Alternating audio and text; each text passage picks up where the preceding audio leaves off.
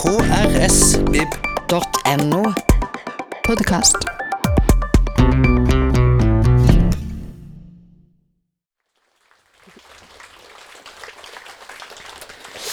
Ja, takk for det. Er det lyd? Ja.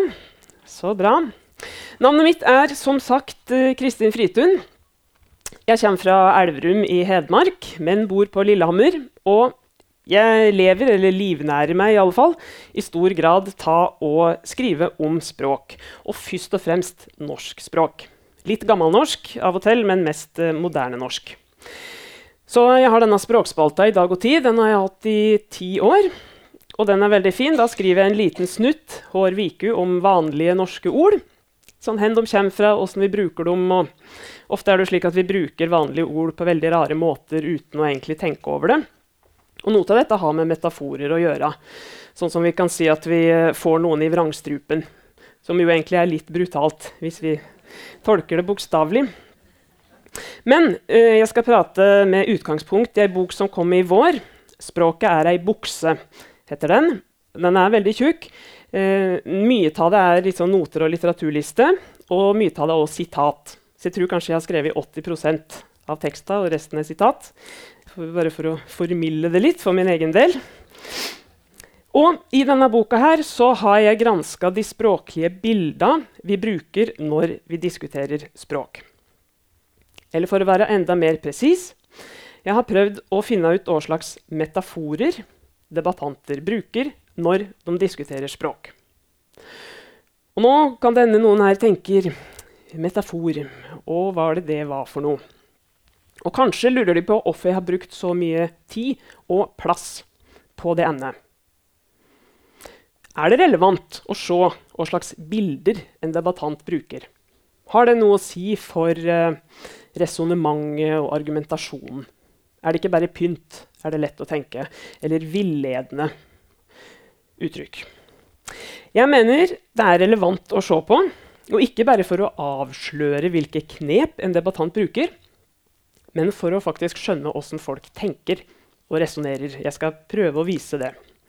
Men jeg kan først bare helt grunnleggende prøve å forklare hva en metafor er, ifølge moderne metaforteori. Så er en metafor ei sammenstilling u to ulike omgrep, eller begrep, som det heter på bokmål. Og denne sammenstillinga fungerer slik at egenskaper fra det ene omgrepet blir overført til det andre.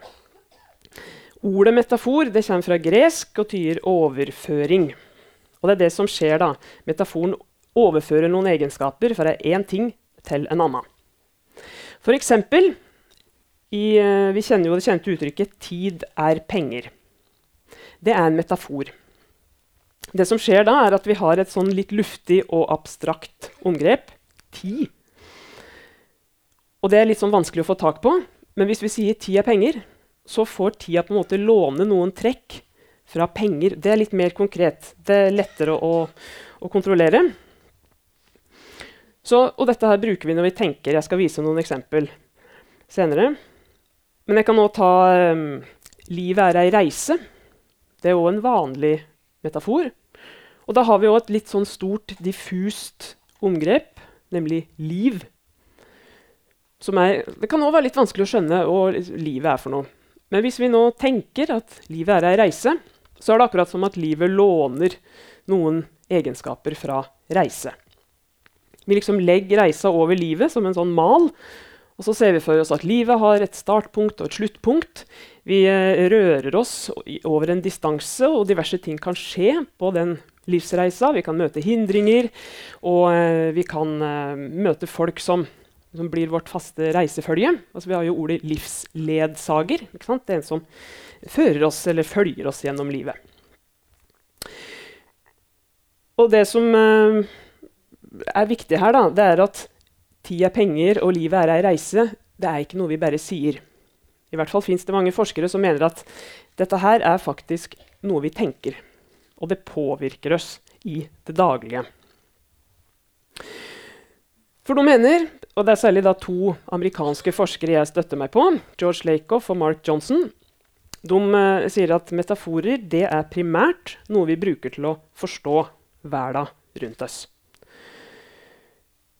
Og da, da, er på, da, er det noe ganske annet enn at metaforer er en type pynt eller språklig virkemiddel. Her snakker vi virkelig om åssen vi griper verden rundt oss. Fordi de sier at vi mennesker har jo en konkret kropp med noen sanser. Og det er denne kroppen her vi bruker til å forstå verden rundt oss. Vi kan kjenne at noe er varmt og kaldt, vi kan se at noe er lyst eller mørkt. Og vi kan liksom stå og sitte. Vi vet at det er bedre å stå oppreist enn å ligge på bakken. Eh, generelt i hvert fall er det bedre å holde seg oppe. Så alle disse her fysiske opplevelsene det er utgangspunktet vårt når vi skal forstå noe som er mer abstrakt og uhåndgripelig. Så da kan vi igjen vende tilbake til dette med tid er penger. Det er som sagt en metafor og et vanlig uttrykk. Og det er ikke noe vi bare sier. Vi, eh, de fleste av oss i alle fall, tenker faktisk på tida som en avgrensa, verdifull ressurs som vi må bruke på en god måte. Og det hender at folk blir irriterte på seg sjøl fordi at de har um, sløst bort en hel ettermiddag på liksom, dårlige TV-serier. Vi kan òg um, tenke at hvis vi tar en snarvegg hjem fra butikken, så sparer vi tid. Og vi kan òg investere mye tid i et prosjekt. F.eks. boka der tok litt, tok litt tid å skrive. Og det som skjer Nå er at nå bruker vi økonomiske uttrykk om tida. Vi sløser bort, og vi sparer, vi investerer. Vi kan disponere tida. Vi kan sette av tid til visse gjøremål. Og det, vi, vi ordlegger oss slik fordi vi tenker på tida slik. Men det er ikke universelt. Det fins jo andre kulturer der de har en helt annen innstilling til tida. Og der de kan bli irritert. Eh, eller de vil ikke forstå det hvis du blir irritert for at de har latt deg vente, og de med sløst bort de tid. Altså, dette her er kulturelle. Metaforene er litt kulturelle. De kan variere over tid og over liksom, geografien. Men tid er penger. Den, uh, det er en metafor. Den er særlig utbredt her i Vesten. Og når Vesten liksom sprer sin måte å forstå verden på, så vil også den metaforen eh, følge med på lasset. Så kanskje om 200 år så tenker alle mennesker at tid er penger. Vi får se. Det, da lever jo ikke vi, så det Ja. Og så en annen viktig ting. da, Ja, tid er penger. Det har med kulturelle ting å gjøre. Og det vil også si at det at tida er en knapp ressurs, det er en egenskap som vi utstyrer tida med. For hvis vi tenker etter kan tida ta slutt? Kan den brukes opp på samme måte som penger? Nei, han kan jo ikke det. Så eh, det er en egenskap vi overfører til tida for å gjøre den håndterlig. Så er det et annet viktig poeng. Og det gjelder både metaforer i språkdebatten og andre metaforer. Det er at eh, når vi sier at tid er penger, så er de bare penger på noen måter. Hvis vi har veldig lite tid, vi kan ikke gå i banken og låne mer tid, f.eks. Så ja, tid er penger, men bare delvis. Og det vil vi også se når vi kommer inn i språkdebatten, at uh, noen mener at uh, språket er en organisme, men bare delvis. Altså folk tror ikke i fullt alvor at språket er ei plante, men han er litt ei plante likevel. Så da har de fått en kort innføring i uh, metaforer. Vi kan jo ta en til som jeg er veldig glad i. Og da tar vi en som ikke um, er like vanlig kanskje å si rett ut, nemlig at tanker er mat. Den er kjempevanlig. De kan jo høre på disse formuleringene her. Påstanden hans var vanskelig å svelge. Jeg har fått et tilbud som jeg må tygge på. Foredraget var bare oppgulp. Og hun slukte tre romaner i helga. Og vi skjønner jo at når noen sluker en roman, så er det jo ikke perma og papiret de sluker. Det er tankeinnholdet. For det, det kan slukes. Og da ser vi for oss at vi vet at tanker og mat er to ulike ting. Men likevel så ser vi for oss at tanker har noen av de samme egenskapene som mat. Det er et objekt som vi kan føre inn i kroppen via munnen. Uh, smake på, vi kan tygge på det, svølge det rått osv. Og så kan vi fordøye det da, på en eller annen måte. Altså ta det til oss og bearbeide det. Hvis vi ikke bearbeider det, så blir det da liksom oppgulp som bare kommer opp igjen. Så kan de jo lure på hvorfor, hvorfor driver vi og tenker på denne måten. Hvorfor ser vi for oss at uh, tanker er mat, når vi vet at det er ulike ting? Og da er vi tilbake med dette med å gjøre det abstrakte håndterlig for oss. Liksom forme det om til et språk som vi forstår. Og så er det noen som har lært at um, det er feil å bruke metaforer eller fantasien og forestillingsevna. At vi helst skal være så objektive som mulig. Og da vil jo disse her metaforforskerne si at uh, ja, men det er faktisk umulig å skulle resonnere og drive med vitenskap uten å bruke fantasien og forestillingsevna.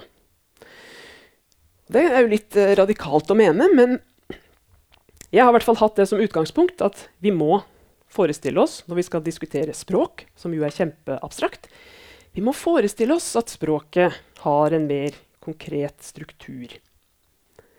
For hvis vi tenker over det språk Ja, vi kan jo høre språklyder. Vi kan se bokstaver og skrift. Så språket er jo litt sanselig. Men norsk språk det er jo ikke en konkret ting. Det er en slags sånn abstraksjon. Vossamål det er jo ikke en ting. Og engelsk er heller ikke en ting. Så når vi skal diskutere det denne veldig abstrakte greia som vi kaller språk, så må vi altså på en måte låne egenskaper fra en mer konkret ting. F.eks. en organisme, eller en bygning, eller et klesplagg. Og så må vi da liksom, bruke de tinga, den kunnskapen, når vi debatterer språk. Og det vil bli tydelig åssen uh, språkdebattanter har gjort dette her. Jeg vil også bare si på forhånd, jeg kommer til å gi noen eksempler her som dere kanskje tenker å dette var helt håpløst. Du kan ikke komme med slike formuleringer i en saklig debatt. Dette er jo bare rør. Uh, og det kan jeg godt forstå. Men det jeg har gjort i denne boka, her, er en mer sånn uh, deskriptiv, eller sånn beskrivende skildring. Så jeg har bare prøvd å vise åssen debattanten argumenterer, hva slags bilder bruker de.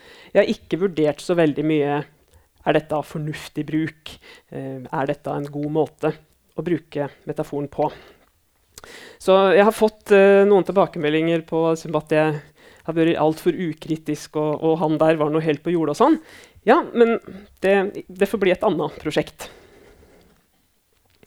Så det jeg har gjort, framgangsmåten min, har vært å bare lese bøker og um, leserinnlegg. Og jeg har til og med rota meg ned i noen kommentarfelt for å se litt åssen um, folk argumenterer for det ene eller andre. Og jeg har fokusert mest på den helt tidlige fasen i norsk språkdebatt, altså 1800-tallet fra sånn ca. 1830 opp til 1900. Og så har jeg også sett litt på samtida. Så uh, det er liksom hovedtyngda ligger der. De skal nå få noen smakebiter. Og jeg har eh, plukka ut noen metaforer som jeg skal gå litt i dybda på. Jeg har uh, I boka her så svinser jeg innom mange typer metaforer. F.eks. de metaforene vi bruker til å snakke om sjølve språkdebatten. Den blir veldig gjerne forstått som en krig. Altså, vi har jo ordet målstri, eller språkstri. Og uh, en prater gjerne om uh, For det første snakker en om fiende og motstander og slik, og om å vinne terreng og sable ned motdebattanten. Vi skal treffe med argumenter. Og ja, i det hele tatt, en bruker mye krigsterminologi for å skildre debatter. Og det, vi vet jo at debatt ikke er det samme som krig. Likevel så er det noen uh, trekk der som er felles. Jeg kan jo si da, målstrien Den norske målstriden har vært relativt udramatisk. Det var noen slagsmål, spesielt uh, tidlig på 1900-tallet. Det var i hvert fall uh, et uh, ordentlig basketak på Det Norske Teatret, der et par riksmålsungdommer måtte til legen og sy. Så det Ja. Men jeg har lagt mest vekt på metaforer som sier noe om åssen vi forestiller oss at språket ser ut. Og Jeg har plukka ut noen. Jeg skal nevne dem her. bare så de vet det. Den ene det er språket er en organisme. Vi skal komme litt inn på den.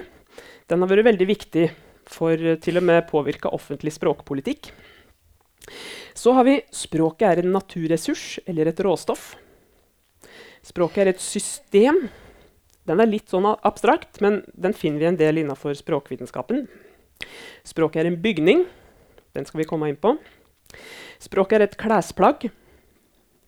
Og det kan være klesplagg på ymse måter. Det kan være et plagg som språkbrukeren har på seg. André Bjerke sa jo at uh, dialekt er fint i mange sammenhenger, men vi må også ha noe for finere anledninger. Så, altså da, uh, så dialekt er på en måte olabuksa, og så er talt riksmål det er findressen. Så vi språket er en redskap eller et instrument. Den skal vi òg komme inn på. Men vi skal begynne med en av mine favoritter, nemlig språket er et råstoff. Og denne her den har dere alle sammen surrende oppi her. For uh, når vi sier at uh, ei dialekt begynner å bli utvatna, eller at samnorsk er ei blanding av bokmål og nynorsk, så tenker vi faktisk at språket er et råstoff eller en slags substans. Gjerne ei væske. Jf. det her med å bli utvatna. Og det vi ofte ser for oss, da, er at ulike språk er ulike substanser. Og det ideelle er at disse her substansene er rene og konsentrerte. Og så vet vi jo fra den fysiske verden at jo mer vi nevler og håndterer noe, jo mer møkkete blir det. Spesielt dersom de som håndterer substansen, er litt sånn slurvete og ikke så nøye. Og Slik er det vanlig å tenke om språk òg. At uh, jo mer språkbrukere liksom herjer og driver på med språket, jo skitnere blir det, og så må vi liksom gå etter og, og rense det. Vi har noe som heter purisme, språkrensing, som går ut på å liksom fjerne uønska elementer i språket og føre det tilbake til den rene, fine eh, tilstanden. For det vanlige er å mene at det som er rent og særprega, er bedre enn det som er litt sånn blanda og pregløst. Og Slike ideer finner vi i språkdebatten. Jeg skal ta et uh, sitat fra Lars Roar Langslett, tidligere statsråd og ei viktig stemme i den norske språkdebatten. Han skrev i 2014 De fleste nynorskfolk som opptrer offentlig, i Stortinget og andre debattfora, snakker en kaudervelsk blanding av dialekt og bokmål. Til og med valgte toppledere i målrørsla taler på et språk som minner om radikalt bokmål. Nynorsk er det iallfall ikke. Talemålet mitt oppfyller nok kriteria til denne kaudervelske blandinga. Ta dialekt og bokmål. Det hender faktisk at jeg prater normert nynorsk, men nå så bruker jeg dialekt. Og da er det, som noen vil si, ei salig blanding. Ja, litt sånn uh, trekk fra dialektene rundt Mjøsa. Jeg sier je og okken. Og så har jeg noen trekk fra, som samsvarer med bokmål. da. Jeg sier stort sett ikke og tenker, sjøl om jeg kan si itte og tenke av og til. Og på toppen av det hele bruker jeg ofte litt nynorske ord. Sånn kjensle og døme og røyndom. Da får vi liksom sett en ordentlig spiss på denne kaudervelske blandinga. Og disse her blandingene blir ofte omtalt som matretter. Altså det er suppe, det er en graut, det er en lapskaus. De orda bruker vi om andre blandinger, så det gjelder ikke bare språk, men det gjelder òg for språk. Og I fjor sommer så var det ei veldig interessant meningsutveksling om dette her i avisa Klassekampen. Professor emeritus Øyvind T. Gulliksen han skrev et innlegg der han forsvarte samnorsken og ville sette av kveik i det språket. Da kom det et leserinnlegg fra forfatter Tom Egeland, som skrev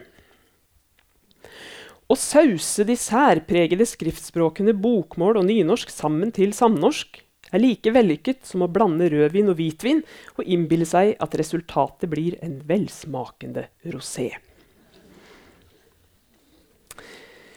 Så Egeland mener at bokmål og nynorsk er to ulike og verdifulle væsker. Vi kan tenke oss, Han mener at disse her to er laga av liksom, førsteklasses produkt. Så har du mogna over tid og blitt, uh, blitt, gode. Så her har vi vi kan si denne metaforen språket er ei drikkevare. Den hører sammen med, eller er en undermetafor til dette her, at språket er et råstoff. Ser for oss språket som en substans, og så har han, har han konkretisert det da, til alkoholholdig drikkevare. Og så bruker han dette her til å legge fram eh, synspunktet sitt. Og det er veldig vanlig å resonnere på samme måte som Egeland, at bokmål og nynorsk er to fine substanser, så blir det bare rot hvis vi fører dem sammen. Men det fins så noen andre posisjoner. Og det kom et leserinnlegg jeg tror det var dagen etter, fra en mer samnorskvennlig kar. Norsklærer Tom Jambak. Han òg argumenterte med at språket er ei drikkevare. Men han forsto denne metaforen på en annen måte. For Jambak han skrev Egeland bør huske på at tonic ikke er spesielt godt. Ikke gin heller. Gin og tonic er derimot nær en perfekt drink.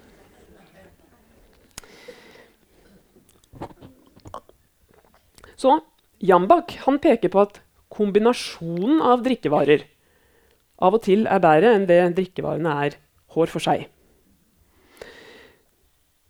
Det er kanskje mindre vanlig å argumentere sånn, men det er jo interessant, for han nekter da å godta denne her premissen om at det å blande språk gir automatisk et dårligere resultat. Han mener at det fins andre tilfeller, og bruker da drikkevarer til å legge fram det synet.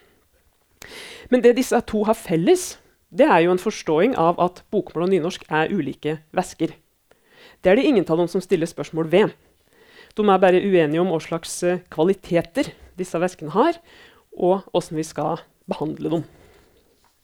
Så på en måte har de felles utgangspunkt, men ender på ulike plasser. En kan jo lure på hvorfor det. Det skal jeg ikke gå inn på. Men uh, Sannsynligvis så har de et helt sett. Altså et språksyn blir sammensatt av mange forestillinger. og ja, det, ja, Jeg skal kanskje bore litt mer i akkurat dette tilfellet her senere, for jeg syns det er litt, uh, litt, artig. Og de skjønner jo med en gang hva de mener. De ler jo med en gang. De skjønner hva som er greia her. Så dette dømet med Egeland og Jambak viser at uh, det som i utgangspunktet er samme forestilling, språk er substanser, det kan forstås på helt ulike måter og kan bli brukt ulik i språkdebatten. Og det fins mange sånne tilfeller. Jeg vil gjerne trekke fram eh, Ivar Aasen og Knut Knutsen. De var usamde om veldig mye. Den ene er jo kjent som nynorskens far, og den andre som bokmålets far. Og begge de to oppfatta skriftspråk primært som bygninger. Eller som byggverk. Iallfall er det sånn de argumenterer. Det som var skillnaden, da, var at uh, de var, hadde helt ulike meninger om tufta. Altså, hva slags grunnlag skal et skriftmål ha? Aasen mente som kjent at uh, dersom du som tufter et skriftmål på mange dialekter, så er grunnlaget til skriftspråket kjempegodt. Da har du et solid fundament. Knutsen mente at uh, et skriftspråk skal bygge på ett talespråk. Som skriftspråket skal være den skriftlige varianten av et talemål. Det må liksom være et samsvar. Så Knutsen kom jo til den konklusjonen at landsmålet ikke hadde noe fundament, siden det ikke var noen som prata landsmål. Og dette her synet da, det utdyper han i boka 'Hvem skal vinne?' fra 1886. Der skriver Knutsen at landsmålet er et hus som er bygd ovenfra og ned. Og vi skjønner at det er jo en kritikk, for det, det er jo helt ulogisk å bygge hus på den måten. Vi begynner jo nederst, og så går vi opp. Og Knutsen skriver at uh, de fleste skriftspråk baserer seg på ett talemål, som ligger i bunnen. Og oppå der kommer litteraturen, ordbøkene og grammatikkbøkene. Men landsmålet, sier Knutsen, er bygd i motsatt rekkefølge. Først kom grammatikkboka, så kom ordboka, så kom litteraturen.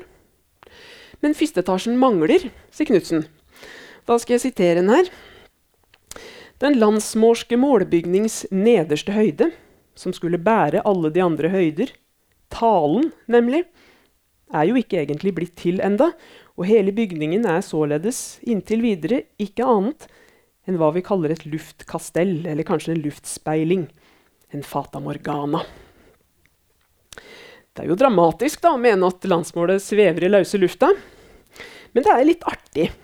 Og han Knut Knutsen er generelt ganske artig å jobbe med fordi at han stort sett gikk imot strømmen.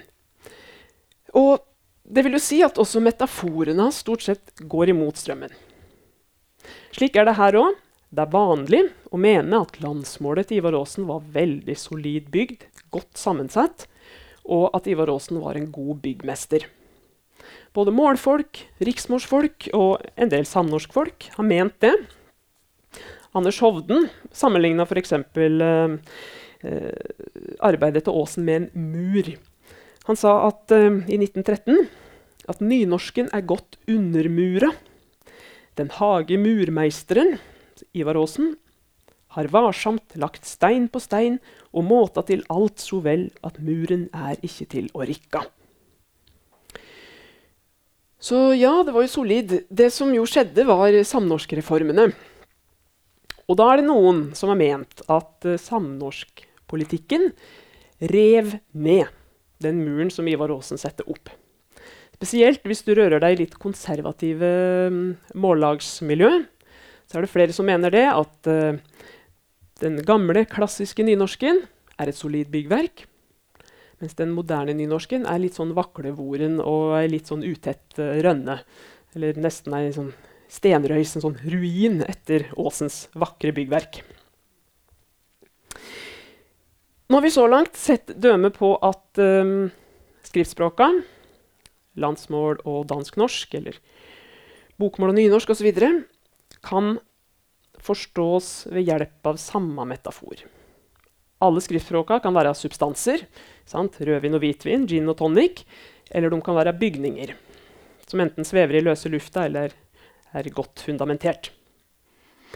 Men vi har òg noen tilfeller av at ulike språk blir forstått ved hjelp av ulike metaforer eller ulike bilder, og der det er helt utenkelig å skulle bytte om.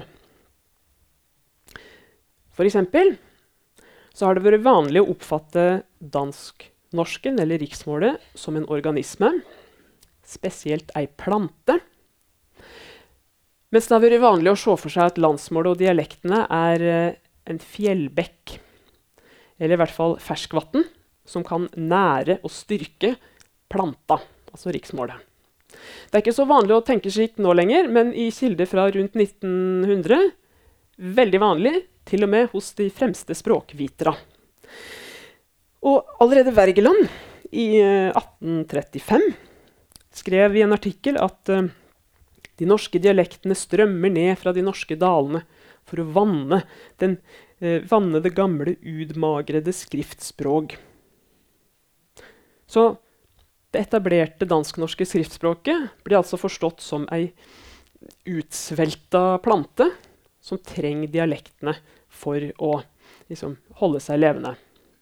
Og dette er tanker fra tysk romantisk uh, språkfilosofi. Det var ikke Wergeland som fant på det. Men dette var en litt seigliva tanke. Vi kan finne han hos en uh, ganske kjent filolog som heter Sofus Bugge.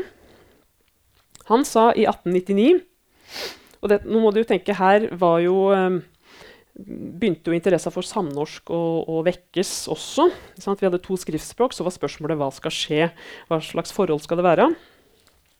Og Bugge han skrev fra bygdemålenes kildespring risler det, og skal det atter og atter risle inn i vårt skriftspråk, så dette forfriskes og styrkes.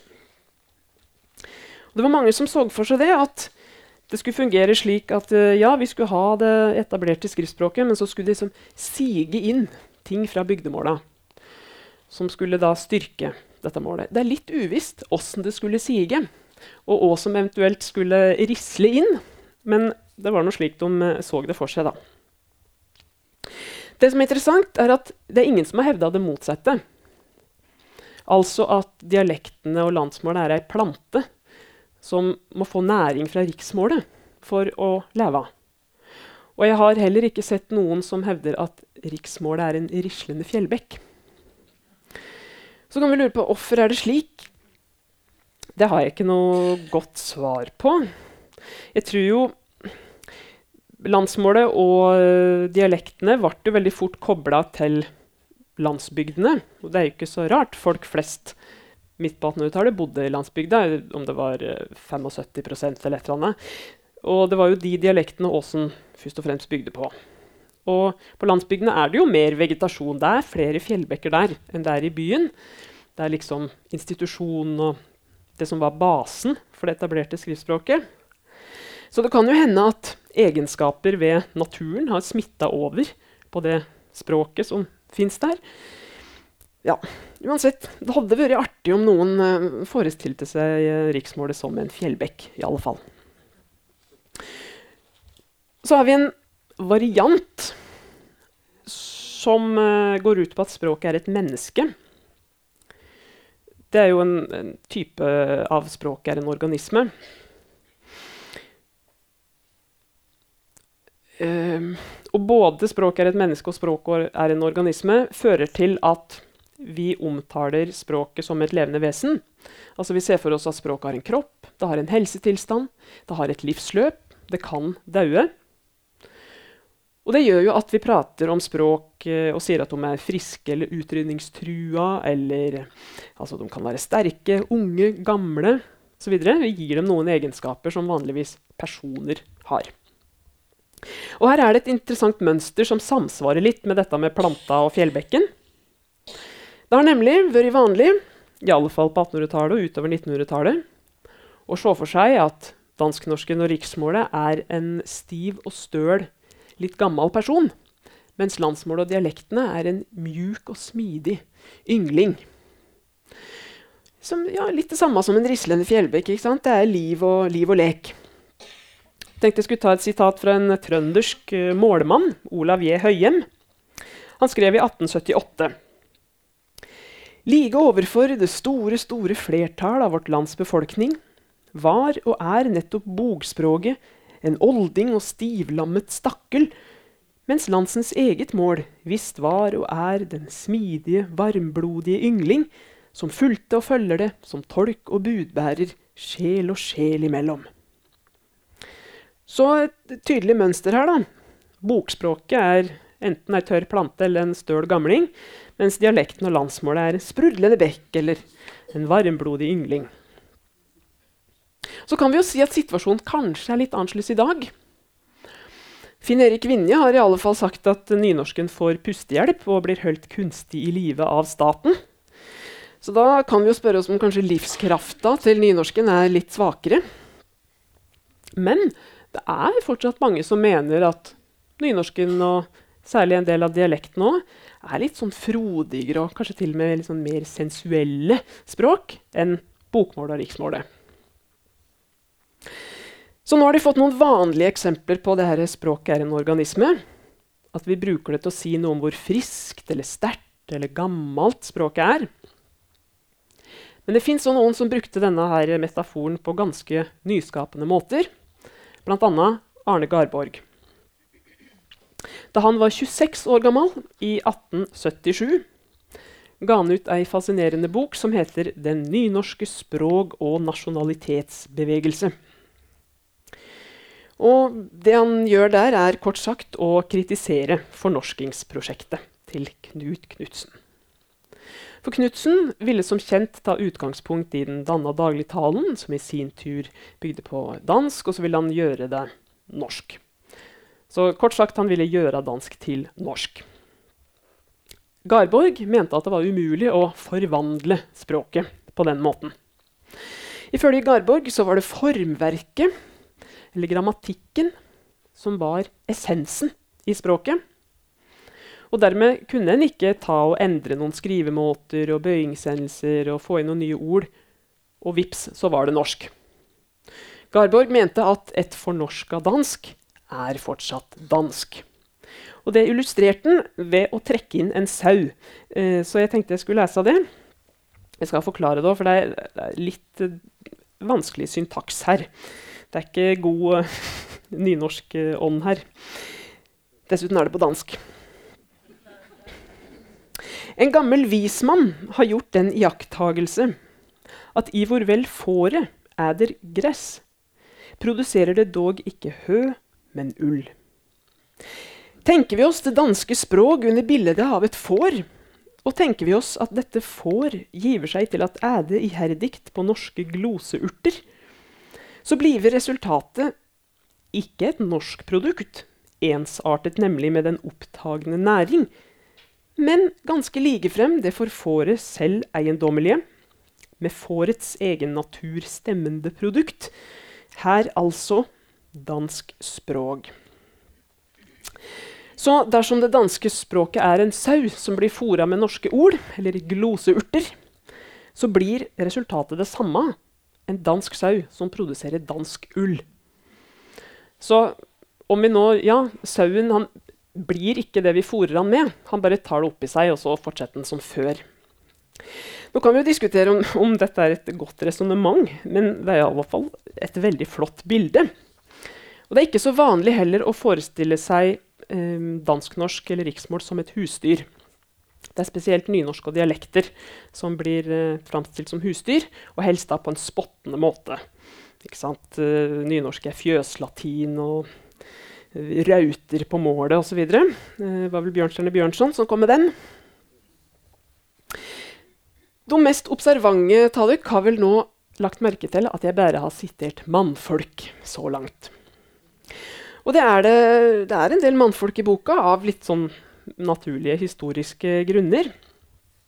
Men det er òg noen damer her, bl.a. Åsta Hansten, en av de første som tok i bruk landsmål. Det er det ikke så mange som vet. Hulda Garborg er med, og Ragna Nilsen. Ragna Nilsen var pedagog, kvinnesakskvinne og riksmålstilhenger. Og i 1909 da landsmålet hadde stor medgang og ble mer og mer etablert, så kom hun med denne dystre situasjonsskildringa. De, altså målfolka, vil ta fra oss det fine, skarpe, smidige, vakre og fortrinnelige instrument som vårt språk er, og bytte det bort for det sammenlignet med riksmålet, plumpe, uhåndterlige, sløve åndens redskap det lavede språk som kalles landsmål. Jeg syns jo at dette er flott, sjøl om jeg er veldig usamd. Så hun mener at riksmål er et vakrere og mer presist språk enn landsmål. Og det målbærer hun ved hjelp av metaforen 'språket er en redskap'. Og det er ikke tilfeldig at hun omtaler riksmål som instrument og landsmål som redskap. Fordi det er en tyngdskilnad der. Ordet 'instrument' bruker vi om fint bygde redskaper til presisjonsarbeid. Mens liksom, en redskap kan være litt mer noe grøvere. Så eh, en spade kan være en redskap, men det er kanskje ikke et instrument. Så dersom en mener at det ene språket er mer presist og sånn enn det andre, så gir det jo mening da, å skille mellom instrument og redskap. Problemet er at det er veldig mange som har ment at landsmål er et prima instrument. Så her er jo uh, måldebattanter uenig. Hvilket av skriftspråket er det beste tankeinstrumentet? De aller fleste mener at språket de sjøl bruker, er det beste instrumentet. Til og med når vi ser på uh, metaforen 'språket er et musikkinstrument', det er òg vanlig å omtale språket som et instrument. Og det har jo å gjøre med at vi lager lyd med språket. Det kan være rik klang, og noe kan liksom skjære i øra og sånt. Og eh, mange debattanter mener at deres eget språk er et mektig instrument med stort register og rik klang. Åsmund Olavsson Vinje han, eh, så på landsmålet som et stort orgel. Og I 1869 så sa han at eh, landsmålet har flere toner i seg enn de han sjøl uh, vel eller greier å spille. Han sa «Eg vågar meg ikke, som jeg har sagt, til at draga ut alle stemmer på dette orgel og spila med fullt verk. Han mente at det kom til å komme folk etter han som i enda større grad mestra dette orgelet. Så det er det typisk at ja, En ser på sitt eget språk som veldig rikt og godt, mens det andre språket det er ikke så bra. Knut Hamsun hevda at uh, landsmålet var et salmodikon. Jeg vet ikke om de kjenner det, men det er et helt enkelt enstrenga instrument som ikke er spesielt klangfullt. Vi kan søke det opp på YouTube hvis du vil. Det ble kalt eh, salmedunk på folkemunne. Så ved Olav H. Hauge han mente at uh, det norske riksmålet var som strenger på ei trefjøl. Det er jo ikke så mye klang i det. Og jeg tror at dette her har mye med mestringskjensla å gjøre. Jo bedre vi kan et språk, jo flere formuleringsalternativ og nyanser som ser vi og greier vi å, å bruke. Og da kan det språket som vi ikke mestrer så godt, føles veldig avgrensende og som et sånn hinder. Vi har jo òg ideen om at språk er en nøkkel. Ofte til en nøkkel til sosiale ting, nøkkel til integrering osv. Og, og det kan jo handle om dette hvis vi er i et selskap, og noen drar en vits på et språk du ikke forstår, og alle ler, bortsett fra du. Så kan du jo kjenne deg utestengt, sjøl om du da faktisk sitter midt i et rom med masse folk. Så eh, språk det kan, si, det kan, åpne dører, men det kan òg føles litt sånn stengt. Ja, Hvis jeg skal nevne en uh, ting til med denne instrumenttankegangen, så er det sidemålsdebatten. For der går jo ordskiftet ofte om skal alle elever lære seg å bruke både bokmorsk og nynorskinstrumentet, eller er det nok å lære seg det ene, og så heller nyte synet og klangen av det andre? Her er det ulike posisjoner, men alle ser for seg at språk er noe vi må lære å bruke, på samme måte som en redskap. Og det gøye er jo med eh, denne redskapsforestillinga at vi har lett til, for å se for oss redskaper som en følgesvenn, altså en kompanjong. Det tenker de eh, kanskje ikke på, men veldig mange har f.eks. navn på ja, spesielt båter, da, men mange også har navn på bilen sin. Bil er en slags avansert redskap som vi bruker til noe. Mange idrettsutøvere kan godsnakke litt med skoa eller skia sine før start. Uh, musikere ser jo på instrumentet nærmest som en liksom, reisekamerat når de er på turné. Og litt sånn er det med språket òg. Det er en slags sånn følgesvenn som vi gjør noe sammen med. Derfor er det veldig fornærmende hvis noen sier at, til meg da, at nynorsk er dårlig, et dårlig tankeinstrument. For jeg føler at jeg og nynorsken vi gjør en del tankearbeid sammen. Så jeg føler meg litt råka da, av den eh, kritikken. Men tida går. Det vil si, tida er ikke bare penger, den er også et objekt i røsle. Så jeg skal runde av med å um, si hva jeg har prøvd å få til med den boka. Det er å vise fram noen av de underliggende forestillingene som preger oss i det daglige når vi dis diskuterer språk, men nå liksom, de store språkpolitiske debattene. Jeg kan ikke si at jeg har fått uh, noe fullt oversyn over metaforer i norsk språkdebatt.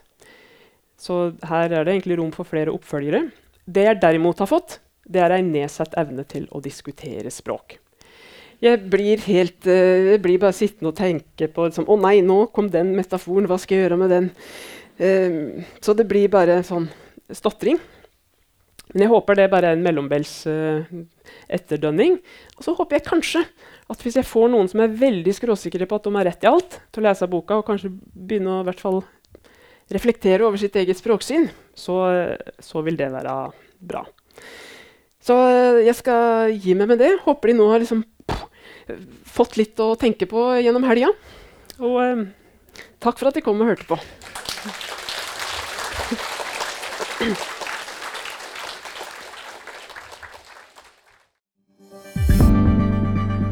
Flere podkaster fra oss finner du på Google Podkast, Apple Podkast eller iTunes, eller ved å stikke innom vår hjemmeside på krsbib.no. KRSBib. .no. Podkast.